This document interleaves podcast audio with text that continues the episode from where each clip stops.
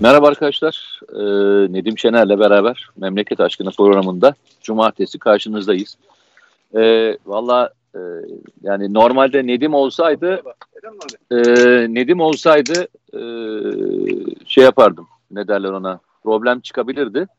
E, gelmezdi ama ben bir şekilde yine mücadelemi yapıp e, gelmeye çalıştım. Bunu baştan bir söyleyeyim. Değil mi Nedim?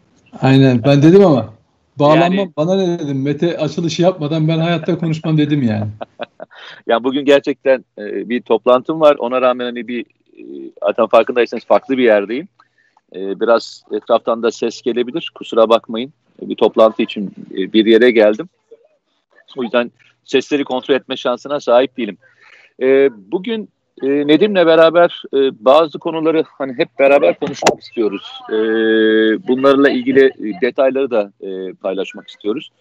Dün biraz e, Nedim aslında e, girmeye çalıştı ama çok fazla e, konu itibarıyla mevzuya e, net olarak giremedik. Ama ben e, şunu e, söylemek istiyorum. E, sen bir yazı yazdın aslında dün.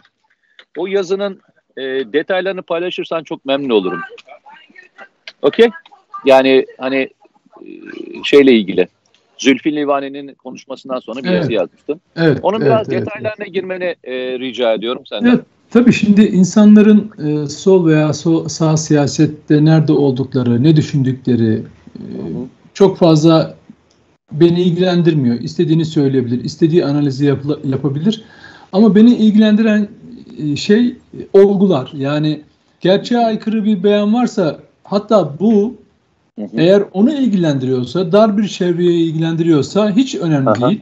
Ama bütün toplumu ilgilendiriyorsa e, ve onun e, birçok şeyi değiştirme e, gücü varsa bu bahsedilen, e, söylenen sözlerin o zaman orada hakikati birinin söylemesi gerekiyor. Çünkü e, yakın çevresinde onu bu konuda uyaracak kimse yok. Yani Zülfü Livaneli'yi e, Bülent Ecevit konusunda ve CHP'nin başına bir operasyonla gelen genel başkan kimdir diye konusunda bilgilendirecek hiç kimsesi olmadığı çok açık. Çünkü o konuyu zaten bilgilendirmeye kalksalar yani ya arkadaşlar e, CHP'nin evet başına bir kişi bir operasyonla geldi ama e, Zülfü Bey bu sizin yere göğe koyamadığınız Kılıçdaroğlu'ndan başkası değildir. Oysa siz röportajınızda e, rahmetli Bülent Ecevit Robert Kolej mezunudur. Dolayısıyla Amerikan damgası vurarak onun bir operasyonla yani kelime ona ait bir operasyonla CHP'nin başına getirildiğini, geldiğini de değil, getirildiğini darbe bir darbe gibi bir şey olduğunu.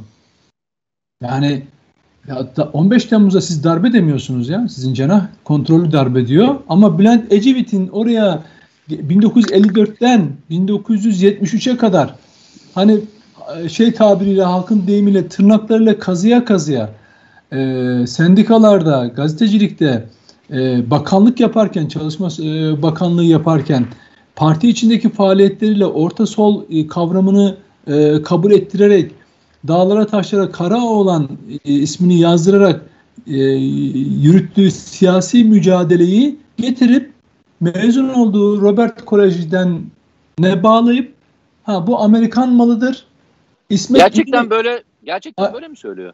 Evet böyle budur yani şey bu ifade aynen böyle. Yani diyor ki Robert yani, Kolej İsmet İnönü'yü diyor devirmesi yani devirmesi onun yerine gelmesi bir operasyondur diyor. Darbe gibi bir şeydir diyor. E, ama aynı zamanda şey de söylüyor. E, ne Atatürk ne de e, İsmet İnönü solcu değildir diyor mesela. Öyle de bir ifadesi var galiba değil mi? Yo, solcu tamam onlara solcu değil diyor zaten. Yani gerçekten de hani onun anlamında e, ideolojik Aha. anlamda bir solculuk Atatürk'ün ağzından sol Hayır, yani adına... laf söylemediği kimse yok anladığım kadarıyla. Onu söylemeye çalışıyorum. Şöyle e, bir tek an, Kemal Kılıçdaroğlu hariç. Şu anda yaptığı şey şu. Sabah bu konuyu konuşurken kendi kendime de şunu söyledim.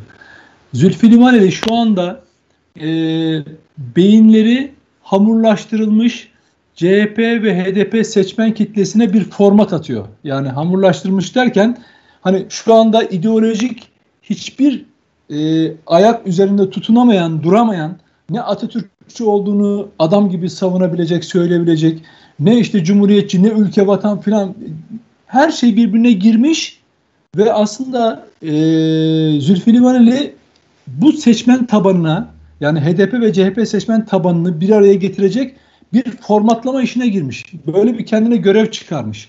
Çünkü Kılıçdaroğlu'nu bu anlamda yere göğe koyamıyor. HDP'nin çabalarını yere göğe koyamıyor. Yani HDP'nin bir PKK'nın siyasi uzantısı olduğu ile ilgili herhangi bir açıklama yapmasını zaten beklemiyorum bu tiplerden.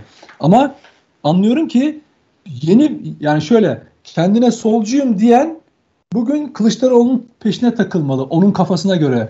Ondan önce yani hani mesela biliyor ki şöyle olacak. E, HDP seçmeni Atatürk'e de, Ecevit'e de, Demirel'e de, Baykal'da bir şeyler söyleyecek. Bu çatışmalar illaki olacak. Bu ideolojik demeyeyim de fikri, fikir ayrılığı, kavgaları olacak. İsimler üzerine o kesim hakaretler edecek. Yani şöyle yapmaya yani çalışıyor. Şöyle söylüyor. Şöyle, şöyle yapmaya çalışıyor. Müsaade et. Ee, kralı öldürüp yeni kral dedirtmeye çalışıyor. Tabii, öyle mi? Diyor ki, tabii, diyor ki bu konular gündeme geldiğinde siz Ecevit'e, İnönü'ye, efendim ee, Baykal'a falan sahip çıkma gibi hani ulusal bunlar ulusalcı, sünni, sağcı gibi politikacılar bunlarla takılmayın. Siz solcusunuz. Ya, ben anlamadığım şey şu. Solculuk da şudur demeye, tarif etmeye çalışıyor. Ya ben şeyi anlamadım. Ee, yanlış anladıysam bir kez daha e, düzeltirsen bu işin içine sünnilik nereden girdi ben onu anlamadım. Şöyle e, çünkü bu kamplaşmayı yapması gerekiyor bu çatışmayı. Çünkü Sünni diyerek aslında şu andaki milliyetçi muhafazakar siyaseti tarif ediyor. Ha öyle mi? Ona ha. karşı bir kamp oluşturması için Alevi şeyini oynaması gerekiyor. Yani bunun yurt dışı yurt dışında bir müşterisi kitlesi var. Yani, Niye ben bildiğim kadarıyla o e, ya sünni, barış şarkıları ya barış şarkıları falan söylemiyor muydu? Ben mi yanlış hatırlıyorum ya? Tamam o şöyle o, o Yunanistan'a karşı falan yani o barış şarkıları falan filan diye ha, yaptı. Türkiye'ye karşı Türkiye'ye karşı değil mi? Yok yok şimdi o değişti. Onlar hepsi değişti. Ha, şimdi şöyle. Pardon. Şimdi yeni bir e, şey var, yeni bir kuşak var. Yeni bir işte 46 46 yaş 40 e, yaş altı e, grubu var. Bunların şu anda ideolojik bir tabanı yok. Yani sağ veya sol, kapitalist, sosyalist gibi bir yere oturmuyor. Zülfü Livaneli buraya oturtmaya çalışıyor. Yani bu kuşağı bu yeni kuşağa yeni bir format atıyor. Hmm. O yüzden diyor mesela sünni, sağcı, siyasetçi derken Türkiye'deki geleneksel sağ siyaseti tarif ediyor. Yani onları da sağcı olduğunu böyle tarifliyor. Siz diyor öyle olmayın diyor. Yani bunun gibi olmayın falan filan diyor. Şimdi yani burada aslında övmüyor, yeriyor öyle mi? Tabii şimdi e, siya, e, siyasi analizleri kendini bağlar. Ama benim takıldığım kısım şu. Ecevit operasyonla mı geldi? Ben önüme koydum. Bütün tarihsel verileri önüme koydum. Arşiv bilgileri herkesin bilgisine açık. Gizli bir şeyden bahsetmiyorum. Ecevit 1954'ten bu tarafa siyaset yapıyor.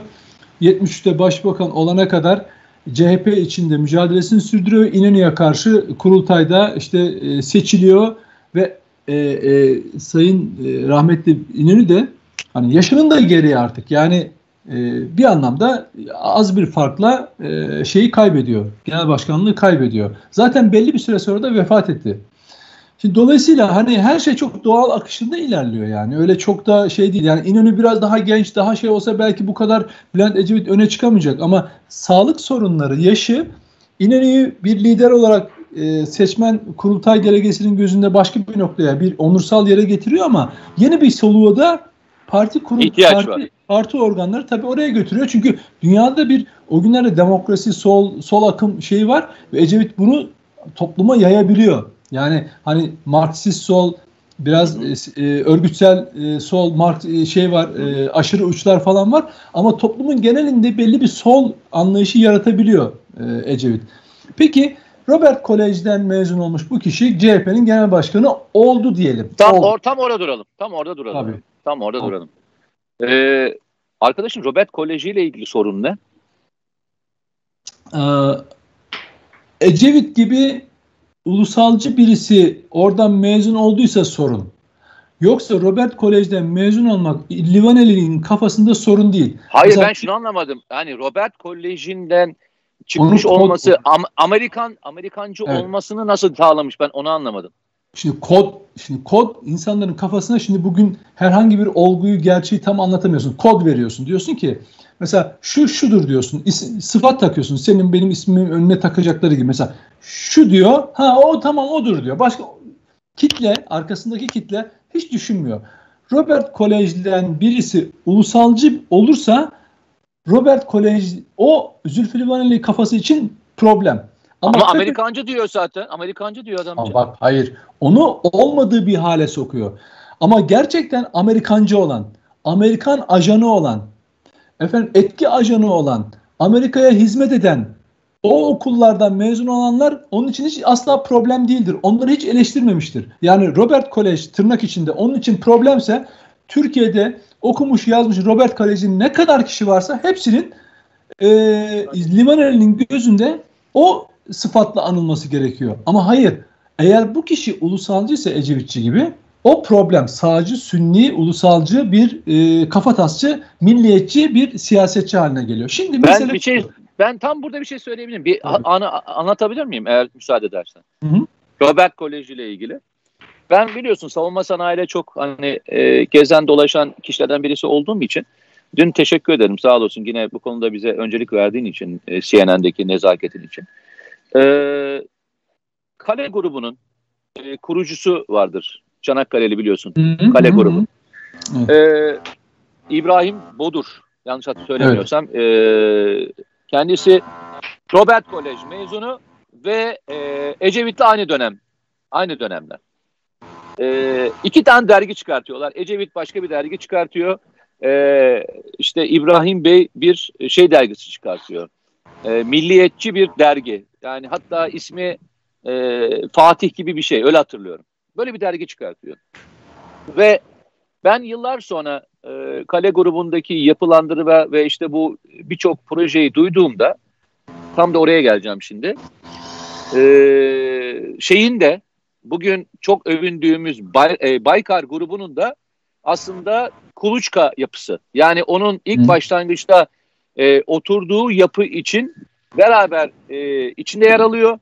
E, tam ayakları üstüne dur, durduğu andan itibaren hisselerini bedelsiz olarak devrediyor şeye. Yani siz artık yolunuza devam edebilirsiniz. Onun e, şu anda damadı e, yönetim kurulu başkan yardımcısı Osman Bey. Onunla röportaj yaparken şöyle bir ibare kullanmıştı. Çok ilginç gelmişti bana. Bunlar e, devlet tarafından bir proje veriliyor. Bunlar da şeyi çalışıyorlar. Finansman şeyi e, fizibilitesini çalışıyorlar. Ve İbrahim Bey'in önüne götürüyorlar. İbrahim Bey bakıyor bu ne diyor? Bu diyor işte e, devletin acil ihtiyaçlar kapsamında istemiş olduğu projenin fizibilitesi. Dönüyor ve şunları söylüyor. Diyor ki devlet söz konusuysa fizibilite yapılamaz kardeşim. Yapılacaktır diyor tamam mı? Bak yani burada maliyet hesabı olmaz diyor devletin güvenliği varsa. Şimdi bu adam da Robert Koleji mezunu. Evet. Başka bir şey daha söyleyeceğim. Ben yanlış bilmiyorsam Selçuk Bayraktar da Robert Kolej mezunu. Evet. O zaman e, bir durum be. Yani ya bir durum be kardeşim ya. Hani siz insan severdiniz. Hani siz insanları e, Allah'tan dolayı severdiniz. Mezhebine, e, etnisitesine, okuduğu okula, e, kıyafetine göre değerlendirmez misiniz? Sabahtan beri söylediklerine bakıyorum şimdi. Şimdi benim şarkısını dinlediğim adamın bir taraftan mezhebi vurgular, bir taraftan siyasi vurgular, bir taraftan okul okul vurguları, bir taraftan kafa yapısı vurguları gibi bu kadar vurguyu nasıl zikretmiş ben anlamış değilim ya. Yani okul üzerinden bile insan mı e, şey konumlandırıyoruz? Ben inan anlamıyorum şu an çok yo, yo, geçiriyorum. Yo yo çok ben çok bak yani şöyle. Gerçekten işte, çok geçiriyorum. Yo yo çok bak şöyle. Gerçekten anlatmaya çalıştığımın lütfen anlaşılmasını çok isterim. Format atıyor diyorum. Bakın ideolojik tabanı kalmamış. Hiçbir kavramı yok. Hiçbir değeri kalmamış. Sadece e, PKK'nın siyasi koluyla HDP ile işbirliğini tutmak için can hıraş, sessiz, sinsi bir şekilde çalışan bir parti yönetimi bir büyük kitleyi Atatürkçüyüm, milliyetçiyim, ulusalcıyım diyen kitleyi uyuşturmuş durumda.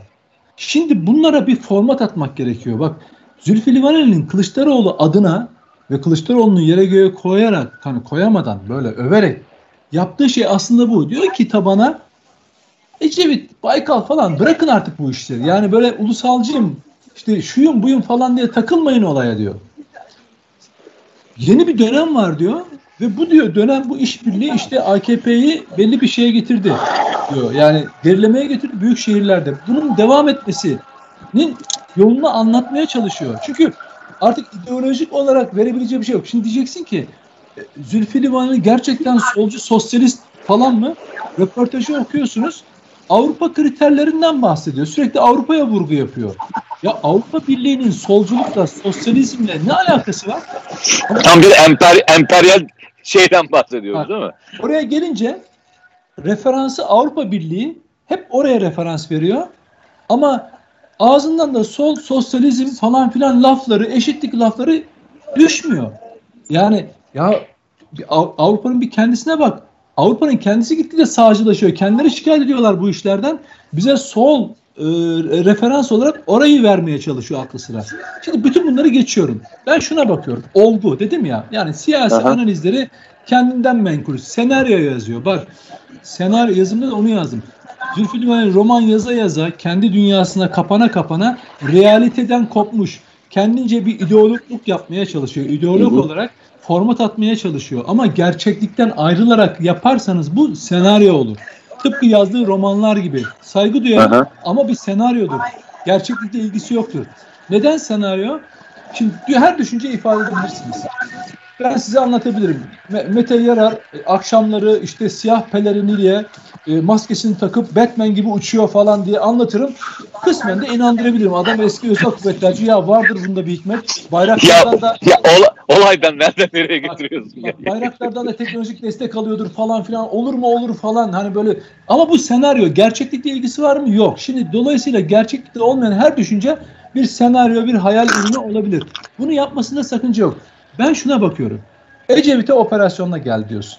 Peki operasyonla gelmiş adam 1973 yılında ilk ne yapıyor? 12 Mart 1971 muhtırasında Nihat Erim hükümetinin muhtırasından sonra Nihat Erim hükümetinin Amerika'nın isteğiyle koyduğu haşhaş ekimi yasağını kaldırıyor. 74 yılında Amerika'nın Amerikancı adam Amerikancı yani bu arada. Çok iyi. Tabii, ee? E, ikincisi 1974 yılında Amerika'nın ve e, e, emperyalist ülkenin itirazına rağmen çok kızdıkları Necmettin Erbakan'la beraber karar alarak Kıbrıs Barış Harekatı'nı gerçekleştiriyor. Amerikancı bu arada bu adam. Bu arada bunlar Amerikancı. Şey, Amerikancı. Amerikancı ha, ha. Bu arada e, Amerikalılar ambargo koyuyorlar. Tabii bu arada Amerikancı adama. ambargo koyuyor ve TÜSİAD ilanlar yayınlıyor. Bu hükümet gitsin falan filan diyor. Amerikancı. Amerikancı, tabii, Amerikancı. Amerikancı hükümet gitsin diyorlar. Ondan sonra ve tarihin en ağır ekonomik ve silah ambargoları yaptırımlara karşı karşıya kalıyor ve 70'li yılların o 76 77 hatırlar yani hatırlayanlar daha iyi bilir. Biz çocuk, o kuyruklar, kuyruklar kuyruklar, ekonomik kriz ve kuyruk borçlanma 70 sente muhtaç hale gelme meselesi ortaya çıkıyor ve ne artıyor? Şiddet, terör. Bütün bunlar Amerikancı tırnak içinde e, Ecevit'in döneminde oluyor. Şimdi bu bir, bir büyük haksızlık. Çok büyük haksızlık. Daha sonra Ecevit yine başbakan olduğu dönemlerde de e, e, Amerika ile nasıl e, e, yani Batı, Batı emperyalizminin ne amaçları olduğunu Türk toplumunu en iyi anlatmış insanlardan biridir. E, peki şimdi yere göğe koyamadın Kılıçdaroğlu'na bakalım. Kılıçdaroğlu neyle geldi? Baykal'a kurulan kaset komplosu FETÖ'cü ter, terör örgütünün FETÖ terör örgütünün Baykal'a kurduğu kaset komplosu sonrası bir operasyonla Kılıçdaroğlu geldi. Doğrudan geldi. Ee, bunun bir operasyon olduğu başından beri belliydi. Bir yıl sonra da zira e, MHP e, aynı benzer bir e, kaset komplosuyla e, komplosuna maruz kaldı. Yani Türkiye'de muhalefeti dizayn etmeye çalışan bir sistem ortaya çıktı. O da Fethullah Terör Örgütü. Niye? 2010 yılında Fethullah Terör Örgütü AKP ile kavgaya başladığında ilk yaptığı şey muhalefeti dizayn etmekti. Ulusalcı Baykal'dan kurtulmaları gerekiyordu. Kimin? Çünkü FETÖ... Baykal o dönemde hatırlarsanız, çok iyi hatırlarsanız Ergenekon, Balyoz ve bütün komplo e, yani bu şeylerin karşısında duran e, en önemli liderdi. Bir de şöyle bir şey. Baykal e, FETÖ ile AKP kavgasında kimin yanında yer alırdı? Devletten yana tavır Devletin yanında, devletten yana. Devletin yanına tavır alırdı. O yüzden siyasi bir dayanak olarak CHP yönetiminin ve MHP yönetiminin değiştirilmesi gerekiyordu. FETÖ AKP ile savaşa başlamadan önce en önce muhalefeti dizaynla başladı. Ulusalcı ve savaş sırasında böyle bir çatışma sırasında devletin yanında yer alacak Baykal'dan kurtulması gerekiyordu. Kurtuldular. MHP'ye bir yıl sonra aynısını yaptılar ve 2011 yılında MHP komplosundan hemen sonra 2012'de 7 Şubat 2012'de e, düğmeye bastılar ve MİT Müsteşarı Hakan Fidan'ı tutamaya kalktılar. Bu Erdoğan'ı tutuklamaya yönelik ilk girişimlerden biriydi. Süreç böyle işledi.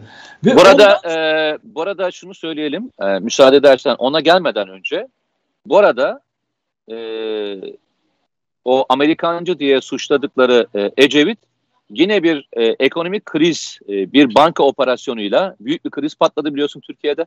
Evet. Ve o dönemde e, değil mi? Tabii. E, arkasından da e, seçimi kaybetti. Doğru mu? Tabii. tabii. Ve gerçek ee, Amerikancılar ve, tarafından da baraj altında bırakılarak siyasi hayatı tamamlandı. Yani 2001 krizi çok kolay atlatabilecek, e, az bir finansmanla çözülebilecekken e, Amerika'dan gönderilen bir kişiyle beraber e, sorunu çözmek üzere olan Ecevit hükümeti resmen bu işte sabote edildi ve Ecevit siyasi hayatının en büyük yenilgisini alıp siyasi hayattan çekilmek zorunda kaldı. Ve bu Amerikan operasyonuydu. Şimdi gelelim şeye, e, Kılıçdaroğlu meselesine. E, bakın bu artık bu Türkiye için çok elzem, anlaşılması gereken bir durum o biz konuyu ve tartışmayı buraya getirmek istemezdik. Ben istemezdim. Ben Kılıçdaroğlu adı etrafında bu olayın bu şekilde tartışmasını istemezdim. Ama artık Türkiye'nin geleceği söz konusu ve açık açık konuşmak gerekiyor. Kılıçdaroğlu e, CHP yönetimine geldikten sonra ne oldu? 7 Şubat MİT, MİT müsteşarı tutuklanma girişimiyle beraber MİT müsteşarı tutuklanma girişimiyle beraber 17-25 Aralık operasyonu. Orada olmayınca burada denediler. Hı-hı. Hemen akabinde ne oldu? 17-25 Aralık'ın bütün belgeleri ve ses kayıtları kimler aracılığıyla servis edildi? Karşı gazetesini kim kurdu çıkardı? Kimler destekledi? CHP'liler.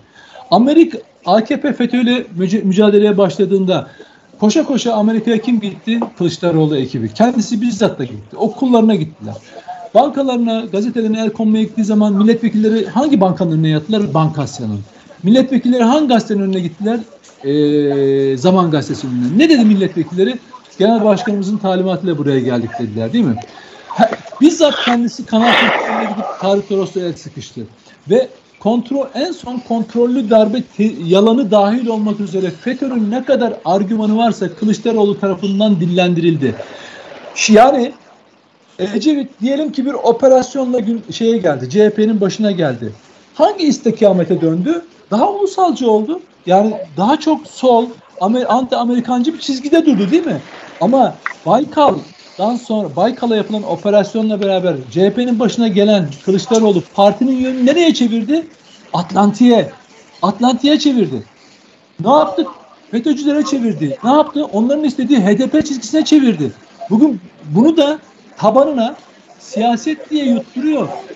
Zülfü Livaneli gibi bu cenah üzerinde etkin olan isim de formatlıyor arkadaşlar. İnsanları formatlıyor. Çünkü insanlar bir şey okumuyorlar. Analiz etmelerine gerek yok. Ona birileri diyor ki Ecevit Robert Kolej'de bugüne kadar sol tarafından yani solcular tarafından hiç gündeme getirilmemiş bir konudur biliyor musun? Bunu sağ, sağcı rakipleri zaman zaman okursunuz. Ya o da aynı Demirel mesela e, şeydir, Amerikancıdır. E, Amerika'dan burs almıştır derler. Morrison Süleyman falan ismini takarlar.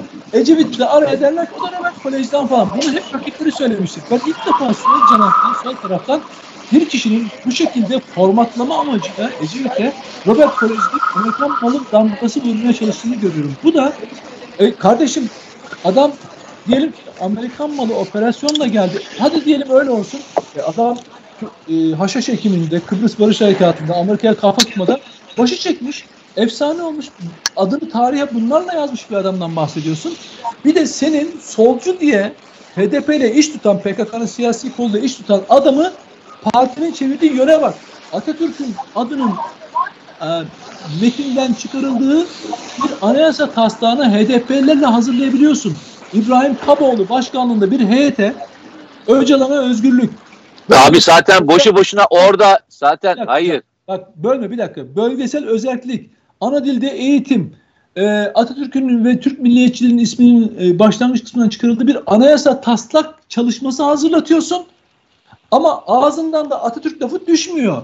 Söyle sorarsan kardeşim Şimdi işte Zülfü Livaneli'ye kızdım ve yazdığım nokta bu. Evet CHP'nin başında... Ben, ben röportajını okumadım ama sana bir soru sorayım. Ee, Atatürk'ü övüyor mu hiç şeyde e, röportajında? Hayır öyle bir şey yok. Yani Atatürk, hiç Atatürk ismi geçmiyor değil mi? Hayır hiç Atatürk'le ilgili ona dokunamaz. Çünkü Yok yok hayır. Hayır şunu söylüyorum. Hiç Atatürk'ü övüyor mu diyorum. Hayır. İnönü'ye var. Yine işte solcu mu bunlar falan filan diye ama Atatürk falan öyle bir şey yok. Çünkü soru soran yani soru soran gazeteci arkadaş da e, yani nasıl cevap alacağını biliyor. Zaten soru ve cevaplar şey olarak böyle tenis maçı oynar gibi paslaşarak tak tak tak tak böyle gidip geliyor. Yani ona mesela e, e, gazeteci e, Ecevit CHP'nin başına operasyonuna geldiyse eğer kaset operasyonuna giden Baykal'dan sonra gelen Kılıçdaroğlu da operasyonuna gelmiş olamaz mı? diye bir soru sormuyor mesela. Partinin yönü, partinin yönü Atatürkçü çizgiden kaydı FETÖ'cü... Hangi gazete gazeteye hangi gazeteye röportaj verdi? Duvar gazetesi, şey gazete Duvar diye bir internet sitesi. Ha ona vermişler. O da şey biliyorsun bu e, e, bir e, neydi Amerikan dergisinde yayınlanan yazı var ya fonlanan gazeteler var, fonlanan internet siteleri var ya. Ha evet evet. Onlardan biri zaten yani. Ha, anlaşılıyor, anlaşılıyor. Yani anlaşılıyor. şey çok yani çok kurgusal. E, yani şu, şunu söylemeye çalışıyorum. Yani ben yapan röportajı yapan gazeteci arkadaşı da tanıyorum. HDP çizgisine yakın bir arkadaşlar. O internet sitesi zaten öyledir. Yani HDP'lileri pardon CHP'lileri nasıl HDP'leştiririz? Nasıl PKK'nın siyasi kolu HDP'yi konusundaki algısını düzeltilebiliriz noktasına getirmeye amaçlayan bir röportaj. Çünkü Zülfü Livaneli gibi bir o cenah kesim, o kesimde CHP cenahı üzerinde etkisi olan bir ismi gazete duvar gibi HDP çizgisine yakın bir yerde bu şekilde bir röportaj tamamen yaklaştırma meselesidir. Ben ben sana bir şey söyleyeyim mi? Yani benim gördüğüm tabloyu söyleyebilir miyim sana? Tabii. Ee, benim gördüğüm tablo e, sanırım şuraya doğru e, ilerliyor.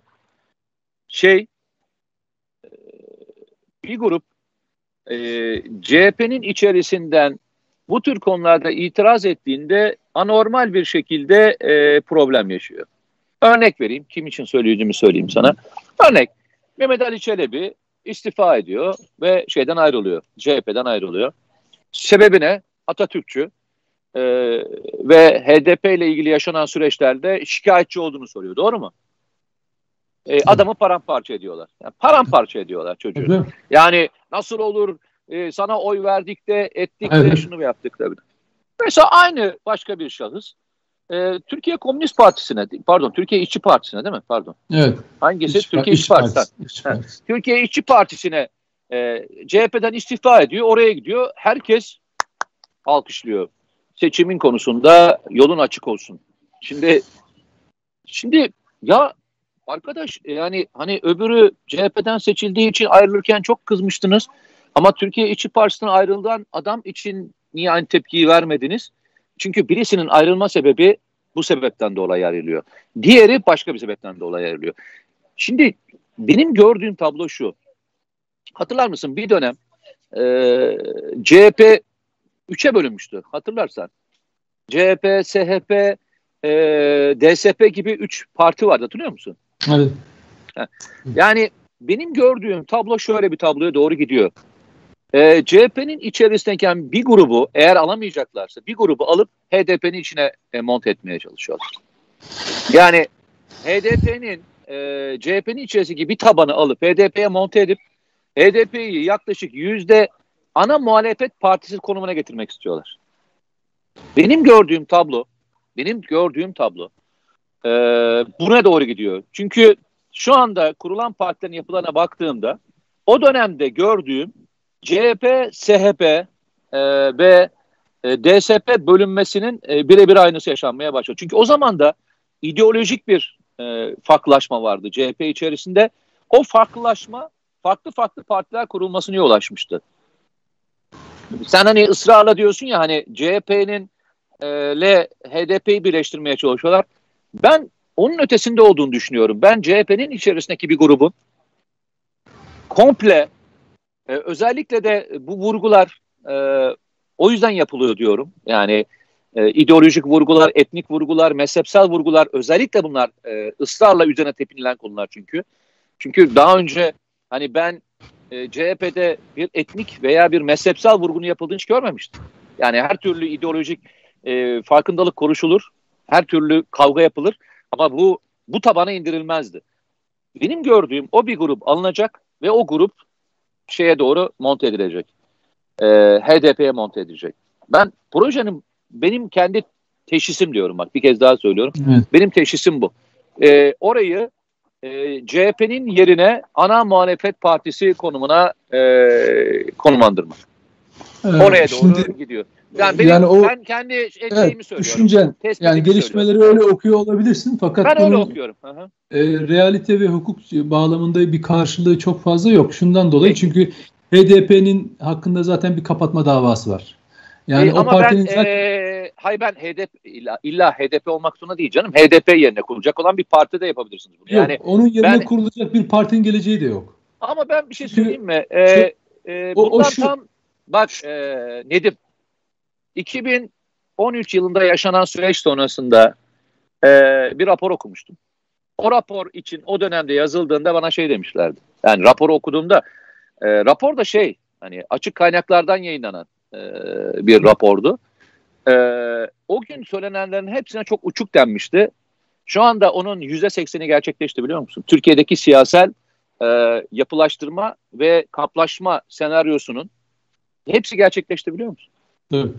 Olur. Yani, yani tabii. Çok o doğru. girişi senaryoydu. Çünkü yani e, raporu yazanlar süreçleri belirliyorsa o istikamette ilerler gelişmelerde. Evet, evet, Ama evet. bugün hikaye başka türlü yazılıyor. Yani bugün e, PKK ile terör örgütüyle mücadelenin siyasi ayağı, ayağı da ayağını da kapsadığı bir realitesi var ve bununla ilgili çok daha ilgi, ben e, daha e, kararlı adımların da atılacağını, e, HDP'nin devam olacak bir partinin bu ülkede yaşama şansının olmayacağını düşünüyorum. Çünkü yani bu bu Kürt hakları falan değil. Bu apoculuk. Yani Öcalan'ın kuyrukçuluğu olan e, onun kuyruğunda e, siyaset yapan, siyaset yaptığını zanneden bir terör örgütünün sözcülüğünü aşamayan bir parti yapılanmasından bahsediyoruz. İkincisi ce, şöyle bir şey. An, e, CHP tabanını ya da CHP örgütlerini o tarafa doğru kaydırmaya çalışmanız demek e, bir anda çökmek demek, çökmesi demektir bu projenin. Çünkü CHP tabanı ya şöyle. Şimdi onlara bir ne diyorlar havuç göster gösterdiler.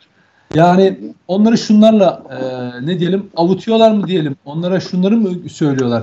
Bak yerel seçimlerde bu işbirliği iktidara taşıdı. Fazla sesinizi çıkarmayın. Aman fazla gürültü yapmayın. E, e, gelen seçimlerde de geliyor biz zaten iktidara yürüyoruz. Hep bunu söylüyorlar. O nedenle zaten içlerinde gidişata itiraz eden ve bunun çıkmaz bir yol olduğunu görenlere hemen AKP'de damgası vuruyorlar. Direkt ilk yaptığı şey. Bu AKP'li ve en yumuşağı Mehmet Ali Çelebi'nin başına geldi işte AKP'li falan derken AKP'nin ekmeğine yağ sürüyor. Bunlar gizli kripto AKP'li. Sarayın adamları falan. Direkt onu yazdılar yani. Yani CHP'ler yaz, AKP'ler mesela şöyle demedi. Ya bizim Mehmet Ali Çelebi bak ne güzel işi bitirdi falan yazmadılar mesela AKP'liler. E, e, Mehmet Ali Çelebi AKP'ye geçse, AKP'li olsa tam o süreçte işte bak biz adamı böyle yaparız, bizim Mehmet Ali Çelebi de adamı böyle yapar falan filan derlerdi. Adamlar böyle bir şey söylemedi ama CHP'lerin bir koro halinde adamı AKP'li mi işte AKP'nin borazanı bilmem nesi falan diye tek yapabildikleri bu. Ya Eyvallah. Mehmet Ali Çelebi ne diyor? Ya Muharrem İnce ne diyor? Yani söylediğinde bir hakikat var mı? Hiç önemli değil. Onlara gösterilen havucun peşindeler. Diyorlar ki sesinizi çıkarmayın. Sesinizi çıkarmayın. Bak iktidara gidiyoruz.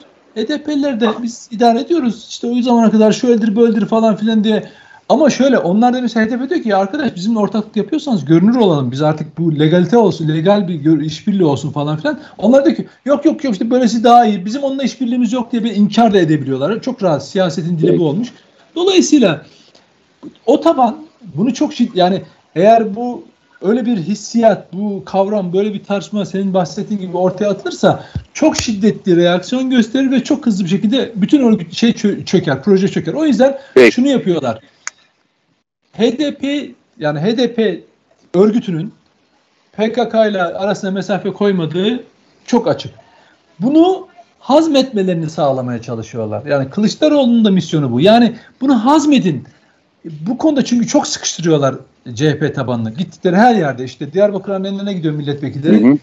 Diyarbakır anneleri diyor ki kardeşim siz HDP'nin PKK'nın siyasi kolda işbirliği yapıyorsunuz. Bizi dinlemiyorsunuz. Onlarla işbirliği yapıyorsunuz.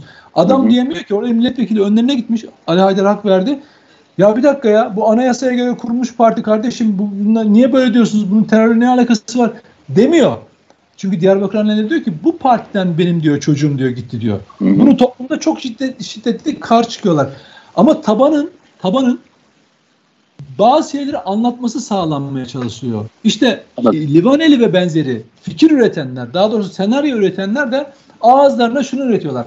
E, Ecevit e zaten ulusalcı. E bu ulusalcı kafayla küresel sistem anlaşılmaz. E o da zaten solcu muydu falan. E solcu olan Kılıçdaroğlu falan. Buraya götürmeye çalışıyorlar diyorum. Formatlamaya çalışıyorlar. Peki, Şu anda peki. yani o yüzden bak o anlaşıldı artık Nedim. He, yani üçüncü bu, defa tekrarlamaya gerek yok. O anlaşıldı. Formatlamaya evet, çalışıyor. Bu, tamam. bu, bu, bu zihniyetin öyle bir hale gelmiş ki hani hamurlaşmış dedim ya düşünce sistemleri. Okay, tamam. FETÖ'cüler bile şunu biliyorlar. Buraya istediğin yalanı söyle hemen yer buluyor. O yüzden tak bunu muhalefet argümanı olarak ortaya koyuyorlar. Yapılan oynanan oyun bu bence. Peki. Arkadaşlar çok teşekkür ediyoruz. Yani e, bugün cumartesi günü e, konuşmak istediğimiz konuydu bu aslında. Biraz e, zamanımız yetmedi geçen sefer e, bu konuya girmeye. Bence önemli bir konu. Yani Nedim'in e, işaret ettiği konuları önümüzdeki dönemde göreceğiz.